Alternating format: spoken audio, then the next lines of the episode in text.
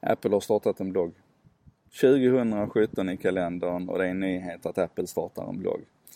Och det är det ju inte för att de startar en blogg utan det är för det den handlar om. Den heter Apple Machine Learning Journal och den handlar om Apples AI-forskning, alltså forskning runt artificiell intelligens och maskinlärning. Och det här är nytt för att Apple har länge varit ganska öppna med sitt utvecklingsarbete. Man är aktiv i open source communityt. Men när det gäller forskningen, alltså steget över kan man väl säga, så har de varit oerhört slutna. I synnerhet om man jämför med, med Facebook som till och med har satt ett namn på sin AI-forskning, FAIR, Facebook AI Research. Eh, Microsoft har varit jätteaktiva och öppna med sitt forskningsarbete. Google har väl varit företrädarna med Research Blog och, och till och med det här företaget under X som heter DeepMind som, som ska man säga, arbetar med tillämpad forskning. Så att alla har varit långt framme här och, och alla har arbetat tillsammans, åtminstone synligt, utom Apple. Och det vill man nu råda bot på, antagligen för att man tycker att man förtjänar mer uppmärksamhet runt sin forskning för att man vill attrahera bättre, bättre forskare till en, för att man vill ta plats på den här arenan. Och Apple har ett ganska dåligt rykte när det gäller AI dessutom, så det, det, är väl också ett skäl. Det vi ser av AI i Apple det är ju Siri som inte är speciellt bra om man jämför med, med många av de andra röstigenkännings eh, prylarna som Microsoft Cortana eller Google Assistant. Eh, vi har ehm, eh, ansiktsigenkänningen som vi kan stöta på i Photo som jag vill påstå ligger långt efter vad, vad Google Photos kan göra och så.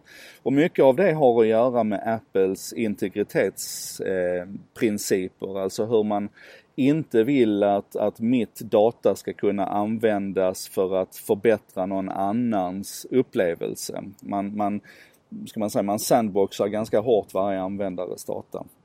Och det har nog hämmat en lite grann när det gäller, gäller utvecklingen runt AI-området och då kanske man försöker kompensera lite grann här nu genom att kliva ut och öppnare delta i det här arbetet. Och det här med att, att utveckla tillsammans, forska tillsammans, det är någonting som är stort idag. Eh, inte bara inom AI. Cancerforskningen till exempel har revolutionerats genom att väldigt många tidigare eh, fristående partners som krigade mot varandra och försökte hinna först idag arbetar tillsammans istället för att utvecklingen och forskningen går så snabbt framåt att man inser att om man försöker bedriva allting själv så kommer man att halka efter. Ehm, och det här är intressant för oss av, av framförallt det skälet att AI nog är den dominerande tekniken idag när det gäller påverkan på mänskligheten.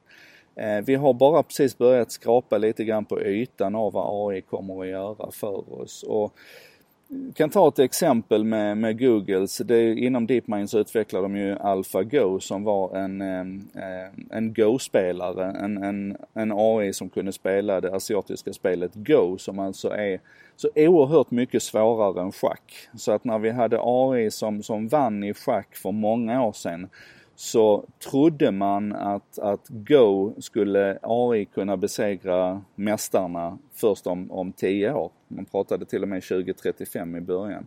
Och det hände alltså redan förra året. Um, och, och, och, nu 2017 här i, i våras så besegrade man den absoluta mästaren i Go. Eh, och man besegrade honom på ett sätt så att han grät när det var över. Och det som är spännande med den AI det är att, att, tidigare så har mycket av forskningen inom artificiell intelligens försökt eh, efterlikna människans intelligens. Vi skulle försöka få maskinen att tänka lika bra som människan.